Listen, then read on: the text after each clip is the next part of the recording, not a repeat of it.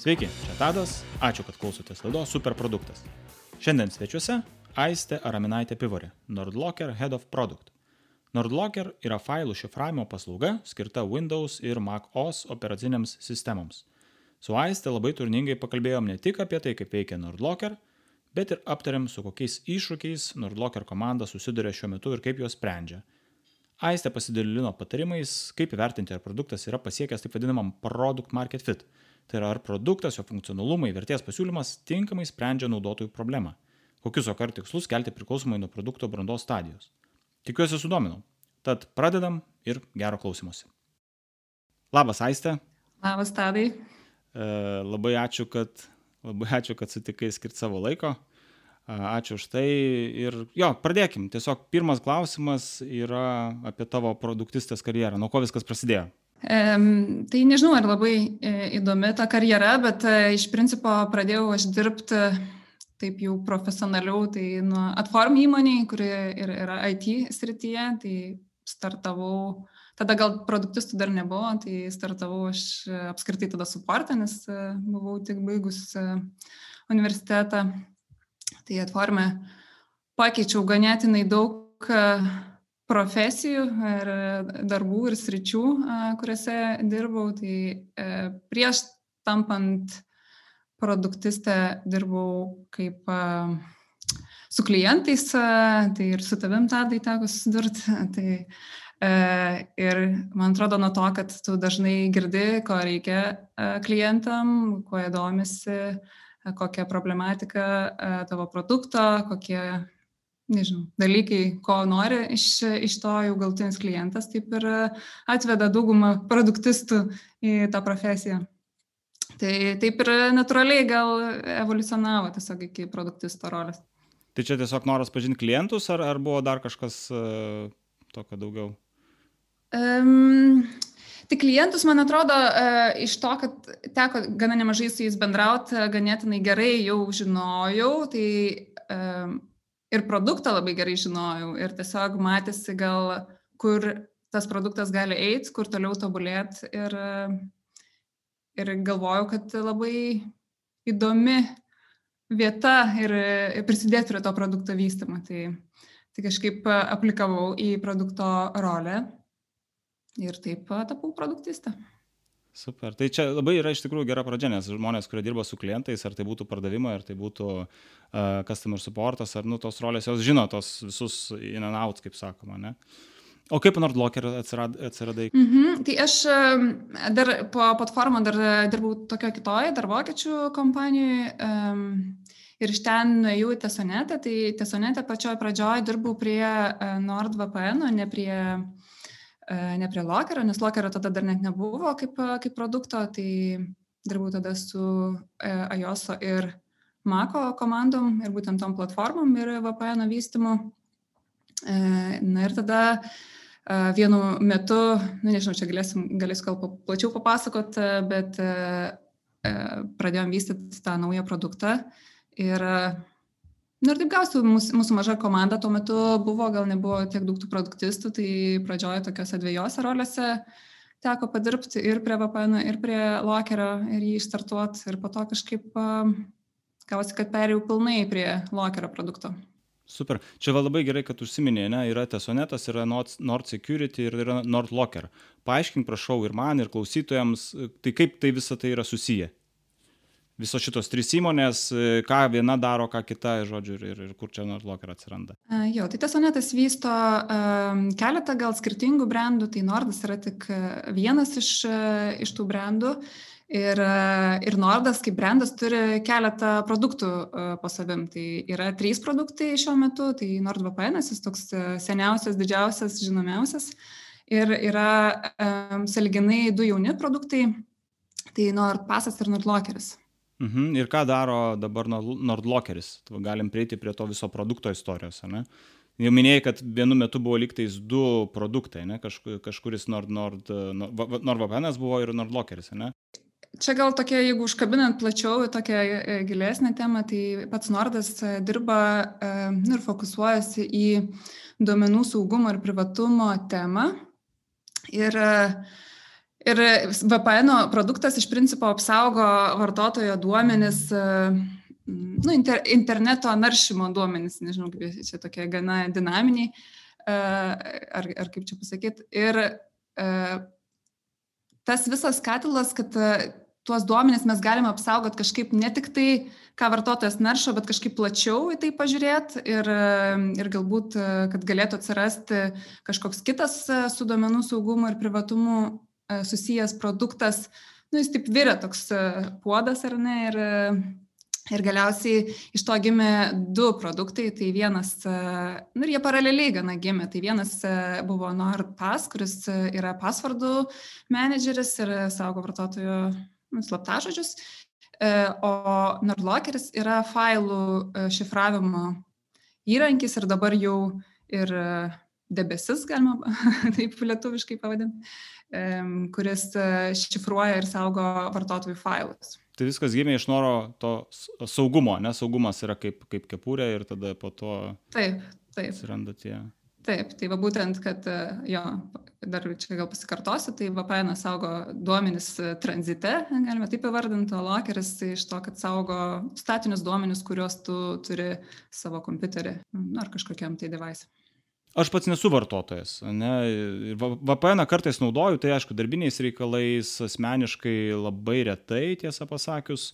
O kam yra reikalingas ir kokią problemą sprendžia Nordlockeris? Vat iš vartotojo perspektyvos, kam man reikia Nordlockerio? E, Nordlockerio reikia e, tam, kad, nu, kaip, e, vėlgi čia gal šiek tiek nuo plačiau pradėsiu, bet e, duomenų saugumas yra gana tokia didelė gal problema, kaip mes ją matom, jinai yra kasdienė e, ir duomenų nutekėjimas e, kasdienis reiškinys, ypatingai e, gal ir Amerikoje populiaresnis, Lietuvoje gal neseniai susipažinom su to duomenų nutekėjimu ir taip plačiau buvo jis aptartas. Ir mes žiūrėjom gal taip tokiu kampu, kad tu atiduodi duomenis tiekėjui, kad gautum kažkokią paslaugą ir tu iš principo pasitikė tiekėjų, kad jis tos duomenys laikys e, saugiai. Ir, e, tarkim, tu ten dedi tiek slaptažodžius, tiek galbūt, jeigu tu naršai e, internete, tai savo interneto tiekėjai, interneto tiekėjai atiduodi duomenys, kur tu naršai. Ir tas pats, pavyzdžiui, yra tavo failais. Jeigu tu failus dedi į uh, debesį, tai tu iš principo pasitikė tiekėjų, kad jis nieko su tais duomenim nedarys, uh, neleis kažkokių algoritmų ant viršaus ar uh, nebandys atrasti, nežinau, kažkokių tai panaudojęs machine learningą, ten kokiu nors paternu ar, ar panašiai, su, būtent su tavo duomenim. Ir tu negali rinktis gal kartais tiekėjo, kuris um, to nedaro, ar ne? Tai Nordlockeris iš principo uh, jis tau duoda, jis sako, mes nieko apie tave nežinom, uh, tu turi visus raktus, mes viską užšifruojam ir tik tai tu vienas gali prieiti prie tų savo duomenų. Tai, nu, tai va, tokiu principu mes ir operuojam ir bandom suteikti alternatyvą uh, kitiem um, produktam toje srityje, kurie nu, to nedaro. Jie, aišku, šifruoja savo serveriuose duomenis, bet, ne, um, bet jie patys turi raktus nuo tų duomenų ir, ne, ir iš principo nu, gali kaž, kažką su jais daryti. Tai, ir tu su tuo gal nu, negali pasirinkti, ar jie kažką daro ar nedaro. Tai su lokeriu, narlokeriu, tai tu esi visiškai tikras, kad niekas su tavo domenimis nevyksta. Žodžiu, jeigu reikia apsaugot kažkokią sutartį su klientais, kažkokią kitą jautrią informaciją, aš galiu tiesiog kompiuterį ar klaudę kažkaip tai įdėti saugiai, kad toks papildomas dar sluoksnis ne apsaugos, kad tikrai ramu būtų.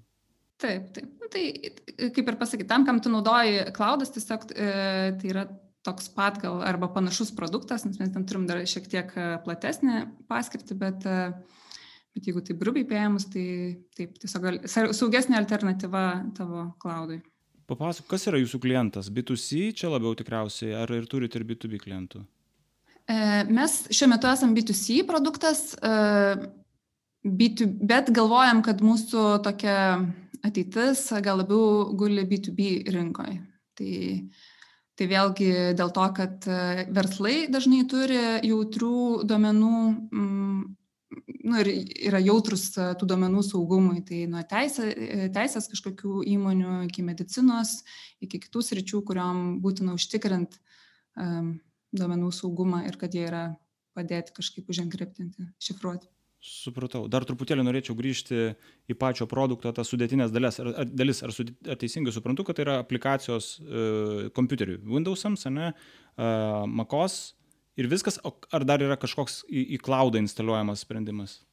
Ar cloudas yra jau būtent jūsų suteikiamas? Mes išstartavom tiesiog kaip duomenų šifravimo um, įrankis, ne, kur tu galėdavai užsišifruoti ir, ir turėdavai tuos failus šifruotus savo kompiuterį. Uh, antras uh, gal žingsnis mūsų buvo prista, pristatyti uh, cloudą, uh, būtent, kur tu gali ne tik tai šifruoti, bet nu, ir pasidėti tuos uh, savo failus šifruotus į cloudą. Tai su tuo... Mm, su tuo perėjimu į cloudą atsirado e, ir e, tokių papildomų gal bazinių reikalavimų, kurių mums reikia. Tai va būtent e, ties ko dabar dirbam, tai webinė aplikacija, kur tu galėtum tiesiog per browserį prisijungti ir matyti savo šifruotus failus. Nu, ir taip pat atsiras mobilios aplikacijos. Jo, jo, mes dar tokiam nesam gal pilnai dar suformavę to bazinio produkto, kuriam norim būti, dar viskas yra procese, nu, bet e, pagal visas praktikas jau esam išleidę į gyvenimą, žiūrim, kokie atsiliepimai. O kiek laiko jau yra, kiek laiko rinkoje e, gyvoja Nordlockeris? Mm, nu, taip apie, apie metus su trupučiu, dar nėra labai senas. Supratau, ai, tai visai, visai šviežias ar toks, aš galvojau, kad e, sen, senesnis sprendimas daugiau rinkoje. -hmm. Matyt, užtruko laiko apskritai su, sukurti dar, ne, vis tiek, e, kad Jo, šiek tiek, aišku, anksčiau pradėjom, mes iki dar kol padarėm tą pirmą versiją, bet taip. Supratau. Uh, papasakok plačiau apie tavo skirtumą, apie, klien, apie klientus ir naudotojus norėčiau. Ne? Minėjai, kad dabar esat B2C, bet matot uh, rinką B2B. Tai čia taip įtariu dėl to, kad freemium modelis, ne vartotojai naudoja tą nemokamą modelį, o kai reikia mokėti, nu, tai tada tas nukrenta. Ar gali pasidalinti truputėlį skaičiais, kiek vat, bent procentinė dalim, sakykime, ne, kiek iš tų free vartotojų tampa mokėjais ir, ir kodėl galvojate apie verslo vis dėlto segmentą? Viską labai gerai įvardinai, tai vartotojai tikrai privatus e, mėgsta e, gauti nemokamai, yra daug alternatyvų, nu, kaip, e, yra ir konkurentų, kurie galbūt siūlo kažkokių nemokamų dalykų ir, juos, ir tada jau vartotojas turi turėti pakankamai daug duomenų, kuriuos nori saugoti, kad jį patransformuoti į mokantį vartotoją. Tai dėl to biznėje mes galvojam, kad yra daugiau gal mm, čia pasakyti, jis turėtų būti e, pelningesnis tiesiog kaip, e, kaip sritis. O kiek konvertuosi, dabar, nu čia negalime gal atsiet labai, nes mes, e, mūsų dabar pardavimai vyksta kartu su NordVPN, tai kadangi Nordas turi keletą produktų, tai mes juos pardavinėjom kartu ir, nu, ir tiesiog ne tai, kad mes juos kažkaip tai atsivedam ir konvertuojam, bet labai daug vartotojų pas mus ateina iš karto pirkdami kartu kaip čia, ne, nežinau, bandlą. Viskas gerai, tai angliškai žodžiai, ja. neišvengsim jų. E, jo, jo, tai, tai va, tai dėl to nėra tokia, ta prasme, gana didelė, gal trečdalis yra pas mus uh, uh, mokančių vartotojų. Supratau, tai čia NordVPN tikriausiai didelis įdirbis, ne? Atsineša jisai tą... Uh, ir brandą, ir... Brandą, o NordVPN kiek laiko rinkoje jau? Nu, jo, čia dabar gėda, aišku, Kel, keletą manau, metų. Ne, šešis kokius, ar penkis, ar šešis supratau. kažkas metus. Nu tai jau gerokai daugiau negu Nordlockeris, mm -hmm. nes jau ir įdirbio daugiau Taip. yra ir, ir tų vartotojų, ir, ir vardas yra tikrai žinomas, netikriausiai ir lyderiaujantis sprendimas savo kategorijoje. Tai supratau, tai čia toksai apselas įvyksta tikriausiai, kaip čia pavadinta, ne? Taip. Tuo metu, kai vartotojas Taip. perka Okay, tai dar norėčiau tada gal apie iššūkius jūsų komandai. Vat minėjai, dar visko trūksta, nu kaip visko trūksta, ne taip, per, per, mm -hmm. per skambiai pasakiau, trūksta vat, web browserio, ne, mobilių aplikacijų. Uh, kokie šiaip vat, iššūkiai komandai ar produktui galbūt, sakykime, prie komandos dar dalies prieisim. Mm -hmm. Ar tai konkurentai yra, ar, ar vat, tiesiog jums iš produkto pusės reikia pasivyti uh, funkcionalumus, ar, ar dar kažkokie tai. Tai visi, kur paminėjai, taip jie egzistuoja. Gal dar iš tokio produkto pusės, ką galėčiau pakomentuoti, tai tai, kad produktas yra um, end-to-end encrypted, tai, tai reiškia, kad mums uždeda tokį papildomą sudėtingumą jį um, tiesiog programuoti, nes reikia Nu, nes visi dalykai, kuriuos tu nori padaryti, jie pasidaro sudėtingiau, negu tu tą darytum ne encryptintai. Ten turi nieko nežinoti, tai raktai turi kažkaip saugiai suvaikščioti ir, ir panašiai. Tai, tai toks technologinis e, dalykas. E, antras irgi toks technologinis, tai būtent yra klaudo turėjimas ir jos keilinimas, nes nu, yra gana irgi technologinis didelis challenge'as, kad veiktų jisai greitai uh, kad galėtų vartotojų daug ten ateiti, sukraut krūvą domenų, juos parsiųsta vėl sukelt atgal, tai, tai va toksai dalykas ir plus kažkokiu kaštų skaičiavimas tų pačių ar ne. Tada dar yra duomenų kaip čia vientisumas žodis, tai, tai va būtent jų neprarast tų failų sudėtų, E, kažkaip tai, kadangi viskas yra enkriptinta ir mes patys ne, neturim kaip pažiūrėti to turinio ar ten pažiūrėti pavadinimų failų ir panašiai, tai reiškia, jeigu kažkas mūsų kriptografinė modelį sugestų, tai nu, mes negalėtumėm ir atstatyti tų failų niekaip. Tai, tai yra toks, e, nu, va, tokių daug technologinių um, iššūkių. Ir plus, aišku, tuos, kur tu paminėjai, ar ne, yra konkurentų, kurie e, dirba e, toje srityje. E, gal kiek kažkokiais kitokiais modeliais, bet, bet iš principo mes konkuruojam ir su jais.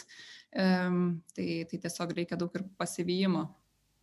Ar gali plačiau pakomentuoti apie konkurentus? Na vis tiek įdomu, ne? Tai kas, kas mhm. tie per konkurentai, kas didžiausi žaidėjai, sakykime, su tais, kuriais konkuruojat? Mhm.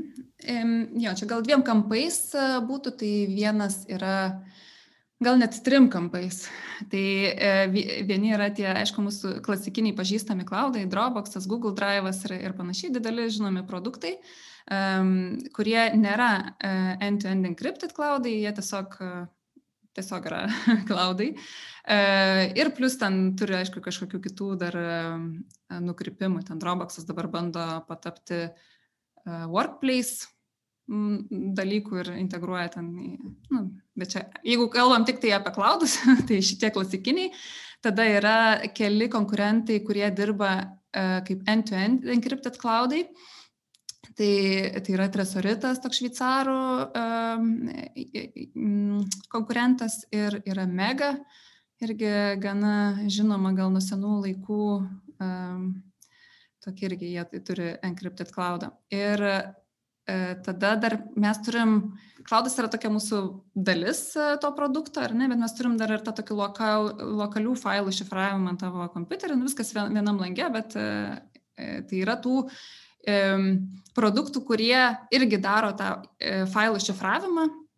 Yra boxscriptorius gal to iš tokių didesnių ir šiaip yra tokių visokių įrankių kaip VeraCrypt, dar, kurie atrodo tokie kaip iš 95 Windows, nu, tokie gana uh, E, sunkiai suprantami e, eiliniam vartotojui ir daugiausiai naudojami nu, jau e, tokių patyrusių kompiuterio vilkų. Tai va, tai tokie trys konkurentai, tik tai tiek, kad mes dar išsiskiriam tuo, kad turim abitas dalis viename ir čia, kiek aš bandžiau ieškoti, ar yra tokių konkurentų, kurie siūlo ir lokalių failų enkriptinimą ir dar plus, kad tu juos gali susidėti klaudą, tai tokių neradau. Um, Tai toks kaip ir išskirtinumas ir kartu ir vartotojai, kurie mūsų produktą vartoja, naudoja iš tikrųjų abi dalis ir jie e, kažkaip yra atradę, kad e, tikrai labai smagu, kad jos abi egzistuoja e, paraleliai ir nereikia skirtingų įrankių tam. Tai, tai va čia, nežinau, gal atradom kažkokią tai naują gyslą. Pažiūrėsim, kaip e, toliau vystys. E, labai įdomu apskritai dar apie tokią, sakykime, jūsų viziją, ne, ko reikia iki to tobulo e, produkto, sakykime, ne, bet dar minėjai, kad yra kažkoks, bet ar yra dar kažkokie dalykai, kuriuos norit pasidaryti, minėjai, Dropboxas yra Workplace'as tampa kažkoks, ne, Workspace'as, Workplace'as, ta prasme, kad jau ten daugiau negu tik tai e, pasidėti failus. Kur jūs norit nukeliauti, nežinau, turit apsibrėžę tokią platesnę, didesnę viziją? Mes turim platesnę viziją, tai e, tokia plati mūsų vizija, tai būtent ir kalbam, gal ką aš ir paminėjau, kad e, tu pats kaip vartotojas turėtum būti savo domenų savininkas, kas po to palenda e, tiksliai ir e, kas ateityje bus, e, čia dar šiek tiek yra diskusijų e, klausimas, ne, nėra dar nupieštas tas tiksliai kelias, kad, koks dabar mūsų gal artimiausi dalykai, tai pasistatyti va, būtent tos pagrindus. E, Nu, ir tai orientuojamės ir, ir išsileisti biznio produktą. Būtent šitokie artimiausi tikslai. O kokiose rinkose, iš, kur, iš kurių šalių yra daugiausia naudotojų? Mm, Amerikos daugiausiai. Tai čia yra šiek tiek palikimas, nu ir, nežinau, palikimas. NordVPN. Jo, NordVPN, nes ten yra didžiausia vartotojų duomenų bazė ir aišku, tie vartotojai daug ir persikloja, nes jau naudodamas VPN, tu jau sakai, kad man svarbu yra tavo mano duomenis ar ne, kur, kad jie būtų saugus ir neprieinami niekam ir nu, su ta pačia viltim ateini ieškodamas gal kitų produktų. Tai supratau o dar aš apie vartotojo personą tokią norėčiau labiau pasigilint nu vis tiek aš vat iš savęs žiūriu man nereikia tikriausiai mhm. gal aš nesu toks va target ane kaip jūs mhm. targetą savo kaip vartotoją personos gal iš personos tos pusės e, apsibrėžiat nežinau žurnalistai kažkokie kur ten dirba ar ar ne taip mhm. detaliai apsibrėžiat um kaip čia jeigu kalbant apie B2C vartotojus ir, ir jų targetinimą, tai vėlgi daug darome e, to kroselo, kuris e, jau yra su VPN, ar ne, padarytas, tai būtent kažkokie vartotojai, kurie yra susirūpinę,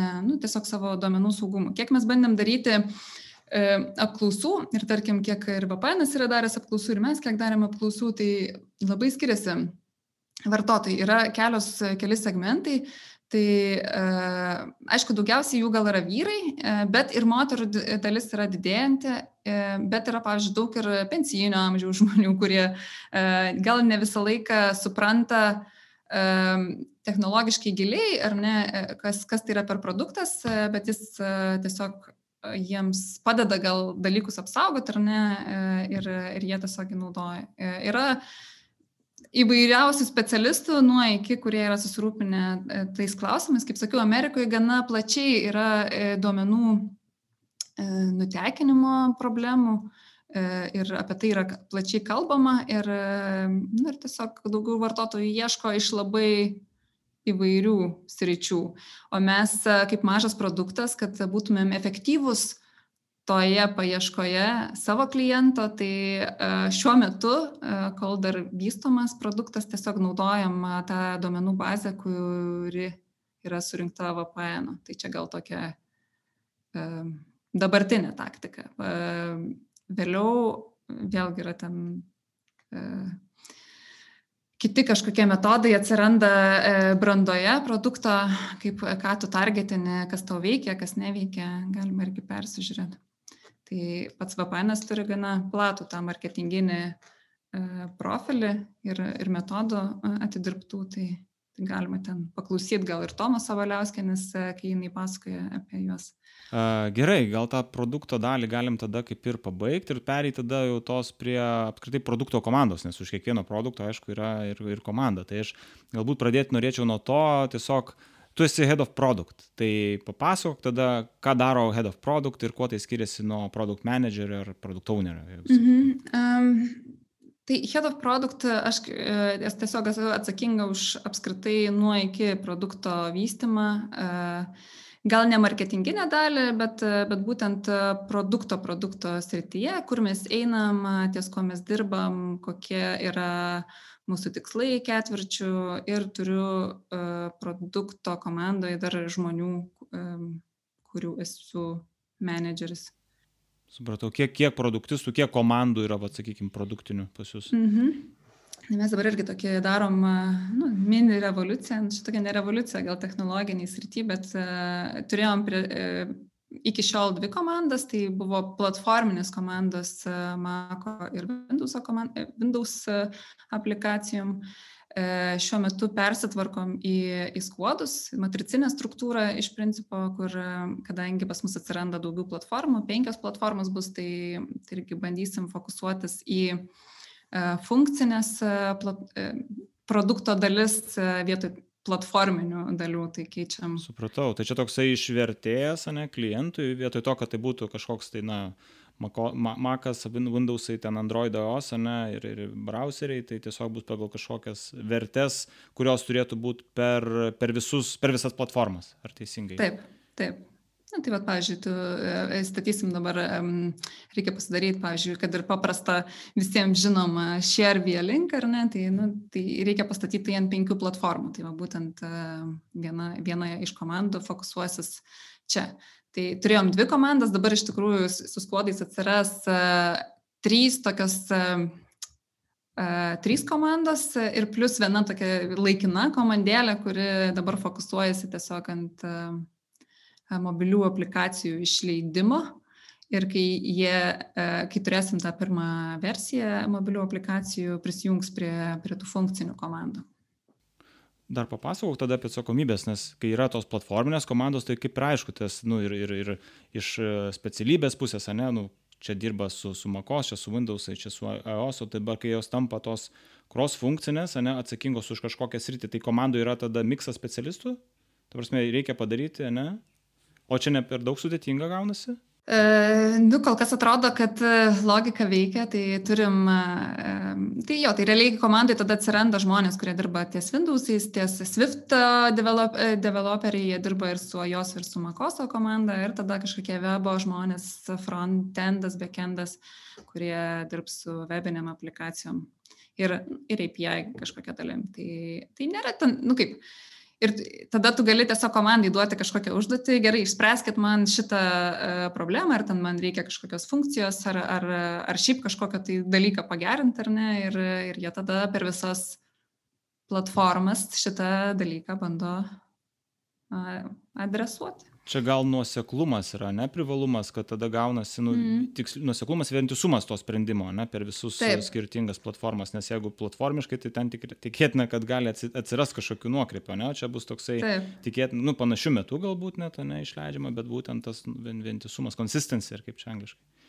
Taip, taip. Tai mes viena iš problemų gal ir kodėl taip anksti gal pa, pa, e, persitvarkėm, Tai vėlgi dėl to, kai turėjom platforminės komandas, tai produktistai, kurie dirba, tai jie turi susisinchronizuoti ar ne, kad ta, tas funkcionalumas išeitų toks pat ir čia, ir čia. Ir, ir tada abu produktistai dirba ties to pačiu funkcionalumu tiesiog ant skirtingų platformų, vietoj to, kad jie fokusuotųsi, tarkim, į skirtingų problemų sprendimą ir analizuotų skirtingas problemas, jie tuo pačiu metu nu, turi gilintis į tą pačią problemą. Tai, nu, tai čia toks ir jo, ir, ir produktistų efektyvumo gerinimas ir pačių komandų, tarkim, kažkokių, tai kad pats technologinė implementacija atrodytų taip pat e, tarp platformų, tai ir, ir, ir developerių toks sinkui geresniam.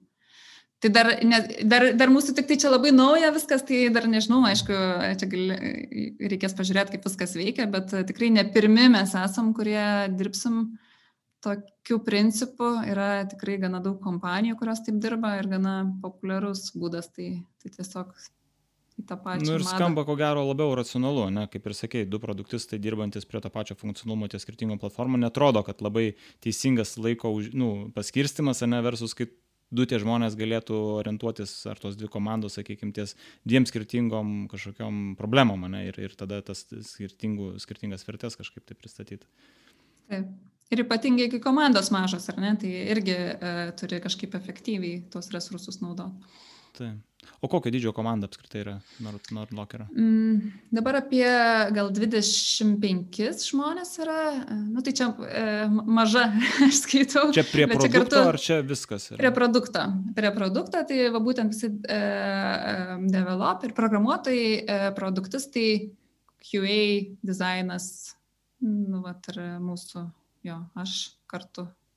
Tai Tai tokia visai, nu kaip, nedidelė palyginus žiūrint su kuo tikriausiai, ne? Tai, taip, taip. Jau, su, ne, jau nebestartuoja. Su VPN lyginant. Taip. Na taip, turi, žinai, su kuo palyginti. Ja. Gerai, papasakok, vis tiek komanda auganti, kaip, kaip keliatės tikslus, va, man įdomu, kokias metodikas naudojat. Pati sakėjai, atsakinga už tą, ne, ketvirčio tikslą panašiai. Taip, taip. Tai mm, mes šiaip naudojame aukiarus, ketvirčiam nusistatom tikslus, tik tai e, pats produktas yra dar šiek tiek tokioje šviežioje fazėje, tai, na, žiūrėjau visai, kaip čia interpretuoti dabar tos aukiarus, kai, kai tu dar ne tai, kad labai gerini kažkokias metrikas ir nu, tas tikslas nėra globalus, tu tiesiog turi kažką pastatyti pačioje pradžioje. Tai aš vis tiek naudoju tą metodiką, nors jinai dabar tokia labiau, um, kaip čia pasakyti, de, delivery based, galima sakyti, kad tu turi tiesiog kaž, kažką paleisti. Tarkim, turim tikslą um, per ketvirtį paleisti ant mobilio aplikaciją. Ne? Nu, ir toks, toks gausas tas mūsų. tai. Tai čia labai normalu tikriausiai nuo produkto, kaip čia, brandos priklauso tikriausiai, ne kokiai fazėje esam, ta prasme, pradžioje visą laiką reikia kažką pastatyti, o paskui tobulinti ir, ir tada vėliau auginti. Tai ar teisingai supratau, kad tada tikslų pagrindas ir yra de, de, delivery, ne dalis tai yra? Šiuo metu taip, mes gal anksčiau eksperimentavom, kad, vat, nu, bandom čia pakelti retentioną ir žiūrim, kokiais čia va, būdais e, geriau tos vartotojus išlaikyti ar panašiai, bet, e, nu, gal šiek tiek buvo ir per anksti um, pa, paties produkto kontekste tą daryti. Na ir tiesiog tuo metu nusprendėm papivotinti tą produktą į cloudą Ir, ir, to, ir dabar, kadangi vis dar vyksta tas e, pivotas, tai, tai dabar yra tokie delivery tikslai. Bet e, nu, turėjom tą tar, tarpinį e, laikotarpį, kai taikėm šiek tiek kitokį nu, skaičiais paremtą. Užsiminė apie pivotą, ne? tai pasako, kaip tą prioritetą nusistatot, kokie, kokiais būdais. Daug idėjų tikriausiai ir iš vartotojų ateina, ne, ir apskritai daug ir vartotojų, ir klientų aptarnavimas tikriausiai dar kitos komandos kaip jūs e, dienos pabaigoje susitarėt, kad reikia daryti tą, o ne na, arba kažkoks didesnis, va jau e, pokytis pivot lygiai, ne, kad eisim į klaudą, kaip tos idėjos vat, sus, atsiranda pas jūs, kaip jūs nusprendžiat, kad uh, prioritetai vienokie ir kitokie? Na, jeigu konkrečiai mūsų atveju, tai mes turėjom uh, tą failų šifravimo įrankį ir, ne, ir buvo gal keli, keliai su, su juo, tai nu, ten, man atrodo, mes jos buvom gal kokius keturis. Uh, išsi, e, užsirašę, e, kad va, čia tokia, tokios galimybės, nu, žiūrint į, į tai, kas, aišku, make sense tavo uh, produkto kontekste. Tai uh, Cloudas buvo vienas iš jų, buvo dar uh, tokių, mm, kaip čia pasakyti, tokia encrypting backup toolsas ir, ir panašiai. Tai galiausiai mes darom sprendimą pagal tai, kur, nu, kur matėm daugiausiai opportunity ir uh, pinigų prasme, kažkokio tai revenue prasme, e, už ką galėtumėm mes apmokestinti, kokie yra konkurentų, e, kokių konkurentų yra ties, ko jie dirba, ar mes galim pasiūlyti kažkokį išskirtinį produktą tam toj srity. Taip pat tie vartotojai, aišku, kurie naudojo jau tuo metu šifravimo įrankį, ko jie prašė, ar ne, jie prašė, aš noriu savo failų šifruotų ant telefono, ar ne, ir kaip tu tau gali padaryti, tada Tai čia vienas populiariausių, tarkim, prašymų, ne, tai vien, ir vienas iš sprendimo būdų, žinoma, yra turėti cloudą. Antras buvo dar variantas daryti integraciją su kitais cloudais, kas yra toks, e, na, box scriptoriaus pavyzdys, čia aišku, gal ne, ne visi žino, kas, kas čia toks per įrankis, bet, bet jo. Tai tų kelių buvo ir tiesiog e, tokio atmetimo būdu, revenių, konkurentų, produkto opportuničių ir viso to mikso prasme buvo diskusija. Uh, Ir, ir jo, ir tada tiesiog nukeliavom į klaudą. Supratau, tai vertinot, žodžiu, ir verslą, ir konkurentus, ir, ir savo tikriausiai galimybės, ir, ir tokiu būdu. Ar taikėt kažkokį konkretų metodą, nu čia taip grinai, vat, e, gykiškai, ne, tos prioritetus nustatant, ar taip maždaug, vat, tiesiog tokio sritis, verslas, produktas, konkurentai, vartotojai. Ir... Tokia išreikšta, ne, man atrodo, čia gal, kai, kai sakai, kad e, revenue ir ten e, efforto prasme kažkoks, kažkokia kombinacija yra kažkuris ten iš tų metodų, bet, nu, mes jo taip kažkaip neįvardom, kad va, būtent šitą metodą taikėm, daugiau buvo tokia uh, business diskusija. Uh, papasakok apie kitas komandas, kurios prie produkto. Ne, nu, su, su yra viena, sukurt, bet reikia ir parduoti, ir aptarnauti ir taip toliau. Tai kokio dydžio yra kitos komandos ir tada nu, tokį bendrą susidarysim vaizdą tada, kaip, kaip Nordlockeris atrodo. Rinkodaros, sakykime, komanda, operacijos, e, pardavimai. Tai dabar rinkodaros komanda yra, e, nu čia nežinau iš tikrųjų, ar, ar ar jos yra labai atskirtos. Šiuo metu e, Nordlockeris, kaip Nordo grupės narys, naudoja e, rinkodaros komandai VPN tiesiog e, resursus. Tas pats yra ir su klientų aptarnavimu. Mes turim bendrą visiems produktam klientų aptarnavimą. Tai nėra tokio kaip išskirtų tiksliai žmonių, kad va tik šitie dirba ir panašiai. Tai labai sunku gal atrušiuoti. O pati marketingo komanda Um, Nord, Norde yra nu, didelė, tikrai ten daug žmonių dirba su įvairiausiais kanalais, nuo iki kokius tik galima surast, Nordas su visais dirba, tai, tai tikrai šiaip Norde bendrai galiu pasakyti, kad yra apie netoli gal 700 žmonių ar panašiai, tai, tai tikrai didelis. Supratau, supratau, tai 25 produkto Nordlock yra tikrai tada. Taip. ne, ne, ne, nebuvau įsivaizdavęs šito, šito skaičiaus. Ar teisingai suprantu, kad rinkodara tada tokiu atveju, kad, kad ir, na, sakykime, NordVPN komandos, ne, pa, pa, pavyzdžiui, labiau rūpinasi tada klientų tuo pritraukimu, ne, tai yra klientai tada, nu, atsakėt, su NordVPN, kaip tokia įvyksta simbiozė, o tada produkto komanda tik tai už delivery, bet, pavyzdžiui, kažkokio growth, ten, nesakykim, kad jau mes, jau minėjai, ten retentionas, pavyzdžiui, ne, liktais, nebeužsiema šitais dalykais, ne, tai ta, kaip išsaugot klientą esamą, ta prasme, dar per anksti liktais. Teisingai supratau. Šiuo metu šiek tiek taip, nu nėra taip, kad mes nedarom a, tam tikrų veiksmų, tarkim, retentiono komandą mes turim a, apskritai Nordą, jinai tokia, a, kuri užsiema gal e-mail a, reikalais. A, visokiais, na ir atsiranda gal produkto brandesniai faziai ir visokios notifikacijos produkte, kurios turi ten tam tikrų dylų klientam ir panašiai. Tai jos atsiranda ir mes panaudojam visas gerasias praktikas iš NordVPN šitoj srity ir, ir jos egzistuoja, nors mes kaip produktas kol kas tokių tikslų nekeliam vien dėl savo fazės, tiesiog užsikamšom, nu ne kaip užsikamšom, pasidengiam savo pagrindus ar ne, pagrindas ten supporto, pagrindas retentiono, pagrindas ten augimo, bet, bet kažkaip super aktyviai dar neinvestuojam į kiekvieną iš tų sričių.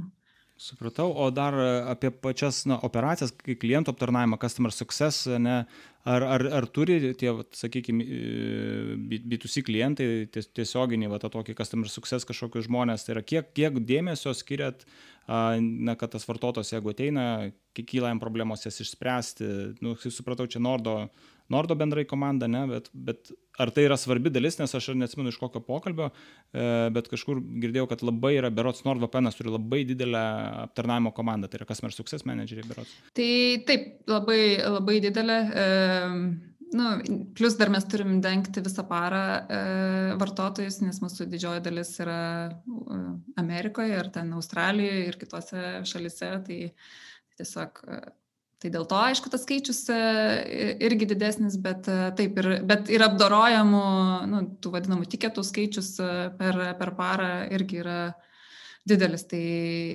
nu, ten nu, rimta komanda, rimtai užsijama tais dalykais, turi stiprius mokymus apie tai, investuoja į žmonės ir, ir panašiai. Tai...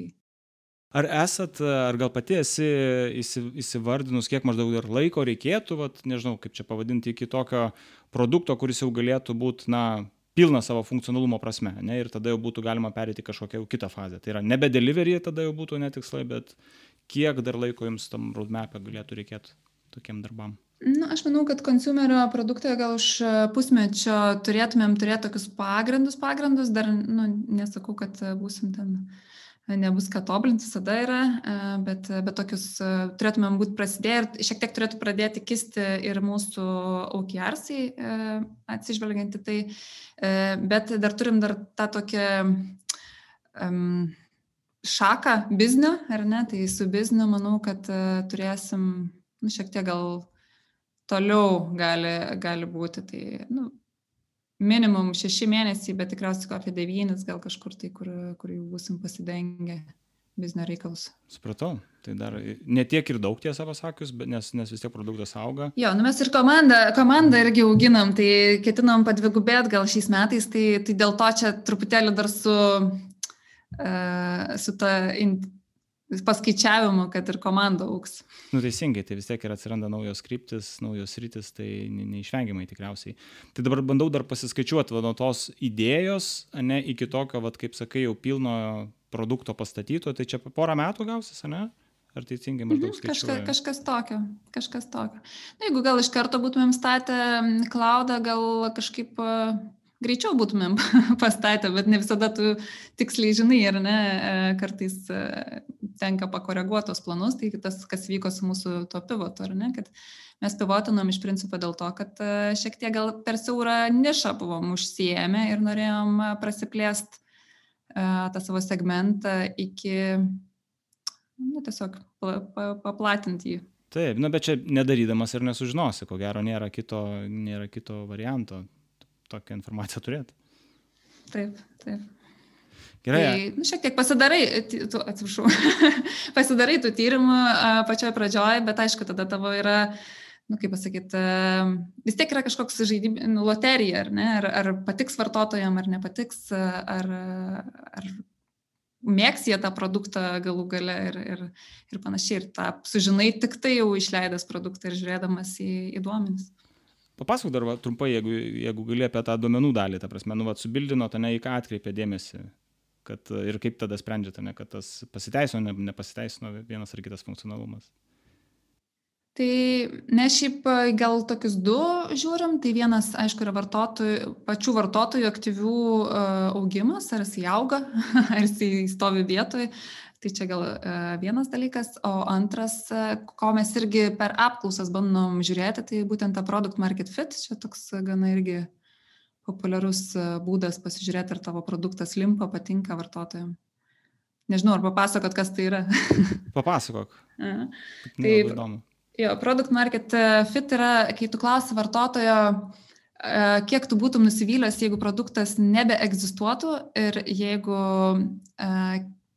40 e, procentų sako, kad būtų labai nusivylę, jeigu tas produktas dinktų, tai jau skaitosi, kad tu radai tą product market fit ir gali toliau scalinti produktą, nes, nes jeigu tu bandai scalinti iki to laiko, tai nu, dažniausiai būna neefektyvus lėšų naudojimas pritraukti vartotojams, kurie nu, nepasilieka gal su tavo produktu. Tai jeigu nepaslaptys, kiek pas jūs, ar jau radot produkt market fitą? E, dar nepasiekėm 40 procentų, artėjom prie to ir turim labai daug userių, kurie yra toj grupiai somewhat disappointed, kuriuos nu, galima pakonvertuoti turint nu, padarius gal kažkokių pakeitimų, jie irgi, kuriuos jie aktyviai išsako dažniausiai. tai, tai šiuo atveju, pavyzdžiui, mobilios aplikacijos yra pas mus pirmas kaip čia sakyti, pirmas requestas prašomas tų vartotojų. Supratau, tai kai klaus, para, para, parašo naudotojas, kad tai yra somewhat disappointed, tai paklausėte, ne, tai o ko reikėtų? papildomai. Ne? Ir... Taip, taip, nu čia yra tokia didesnės apklausos uh, klausimas, ta prasme, yra čia tas nu, vienas klausimas, ar ne, po to visa kita, kas, ko tu patenkintas, nepatenkintas, ko nori, ko tikėjai, ką radai ir panašiai. Kaip dažnai tokias apklausas darot? Mes gal trim kanalais e, darom jas, tai vienas yra um, toks E, kur kas mėnesį išeina apklausa vartotojams, po maždaug po mėnesio naudojimo, tokia trumpa apklausėlė ir, ir joje būna šitas klausimas kaip vienas iš tų, bet ir plus ten kiti klausimai apie produktą. E, čia vienas, tada mes turim pačiam produkte e, feedbacko formą, kuriame irgi, nu, ten tokia laisva forma, kiek žvaigždučių duoda ir, ir ir jo, ir tiesiog įrašo komentarą vartotojai. Iš jų irgi ganėtinai, nu, galima tendenciją susidaryti, jeigu jų pakankamai daug turi pačių vartotojų, ar ne, kad e, tau vienas ten ar keli neiškreiptų visų skaičių, tai, tai, nu, tai visai to inputo susirenki uh, per, per tą laiką, kai, uh, nuo to laiko, kai įdedi. Ir tada dar trečias yra dalykas, kad mes turim researcho E, tokią komandėlę viduje, kuri daro jau e, apklausas e, profesionaliai, galima sakyti, ir, ir jie sudėlioja, nu, tarkim, mes kai išleidinėjom klaudą, ar ne, tai darėm specialią apklausą būtent pasižiūrėti, ką vartotojai apie tai galvoja, ar jie rado to, ko ieškojo ir, ir panašiai. Tai... Čia esamų naudotojų, ne? Ar, ar apskritai net ir rinkos tokį dar pasidarot? Būna, būna ir rinkos, e, sakau, kadangi Nordas tikrai labai plačiai yra labai įvairias rytis užėmęs ir, ir tikrai jau kurį laiką aktyviai dirba marketą, tai būna ir tų bendrinių apklausų, e, visai ne vartotojų, e, bet šiuo atveju mes leidom vartotojams savo. Supratau. Nu, labai naudingas metodas, aš neatsimenu kažkokioje knygoje apie tai rašė prasme, būtent tą produkt market fit ir tą, vat, ar esat nusivylę. Tai jo, tas labai, labai, labai smagu, kad, kad taiko tokį dalyką, nes aš, jo, ten yra, esmė, kad jeigu nepasiekė tam tikro lygio, negali skailinti, ne, tos komandos, tai yra išmesi pinigus veltui. Taip, marketingui, nes... tarkim, ar ne? Tu sakai, o aš noriu dabar jau įmėsiu čia tiek šimtų į marketingą, o, o tau iš tikrųjų tie vartotojai nėra dar tiek patenkinti, kad jie liktų ir kad tau apsimokėtų. Nes tu į marketingą dažniausiai įdedi e, daugiau negu į vartotojo, ten tarkim, subscriptiono, kiek jisai sumoka tau pirmų kartų, tu turi jį išlaikyti antram, trečiai iteracijai, kad tau apsimokėtų jo pritraukimas. Supratau, tai iš jūsų verslo perspektyvos, tai marketingas tikriausiai dabar neužima didžiausios dalies. Ne, nu, ne didžiausios, bet tiesiog kažkokios reikšmingos, nes tiesiog dabar visas pagrindas yra delivery. Taip, taip. Nu, bet čia kitas dalykas, kad mes galim savo tai leisti, nes esam didesnės, didesnio produkto dalis, ar ne? Jeigu mes būtumėm, tarkim, mažesnis produktas, gal tie sprendimai būtų šiek tiek kitokie. Nu, bet vis tiek, kad jeigu neradai tos produkt market fito, ne tos atitikties, tai, nu, ko gero vis tiek irgi aktuali pamoka, ta prasme, kad tada reikia padirbėti ir tik tai tada sportuoti ir sportuoti. Gerai, Aistė, man atrodo, mes visai neblogai čia ir detaliai. Tai ačiū už tai iš tikrųjų, nes uh, norisi tų detalių, tokių kiek galima visą laiką atrodo, kad na, ar yra nepaslaptis, bet nu, viskas gerai, manau, kad čia kažkokių top secret dalykų mes ne, nepaminėjom, bet tokius labai detalius ir naudingus, tai manau, kad tikrai taip.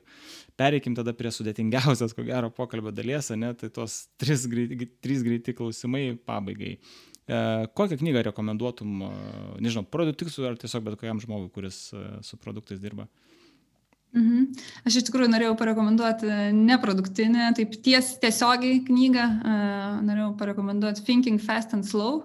Um, tai daugiau gal apie tai, um, nu, gal iš tos perspektyvos pagalvojau, kad produktistas priima ganėtinai daug sprendimų uh, savo dienos bėgyje nuo iki. Uh, sprendimų ir, ir ta knyga yra apie mąstymą ir smagu pareflektuoti gal į tai, kad kartais tas išvadas ar sprendimus padarom nebūtinai mm, racionaliai, ar remdamasi kažkokią logiką, bet būtent kažkokiais išoriniais impulsais, įtakom ir kartais biologiniam, biologijos nulemtom priežastim. Tai. Labai gera knyga, taip. Ten iš tikrųjų apie tą žmogaus prigimtį labai, ne? Mes mėgstam racionalizuoti viską. Antras klausimas, kokius kasdien naudoja įrankius darbui? Mhm, tai tikrai nieko labai hip nenaudoju, viskas yra gana klasikiniai įrankiai um, nuo, nuo, nuo užrašų knygutės savo atidų sąrašų iki bendravimo įmonių, e, priemonių e, ir, ir ofiso reikalų. E, šiaip dar kaip produktistai naudojam Basecampą, Bet e, dar tokį įrankį, nežinau ar įrankis, bet uh, norėjau dar pajakauti, kad uh, geriausias įrankis yra humoras gal. Visą laiką reikia turėti portfelį. Darbe. taip, taip, labai praverčia darbe. Apie Basecamp papasakok plačiau, čia yra projektų valdymo, ne? Aš kaip Confluence esu labiau papa, pripratęs ir, ir patirtį turiu.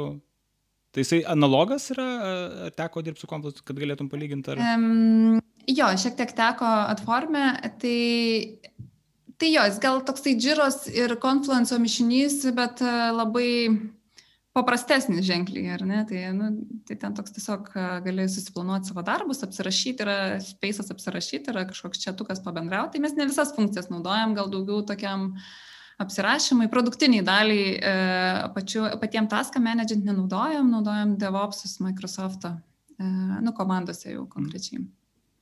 O sakyk, va šiaip įdomus toksai klausimas, ne, apie vartotojų poreikius, ne, tos feature requestus, jūs tam pačiam Basecamp'e su, sukaupėt ar naudoja dar kokį nors e, kitokį įrankį?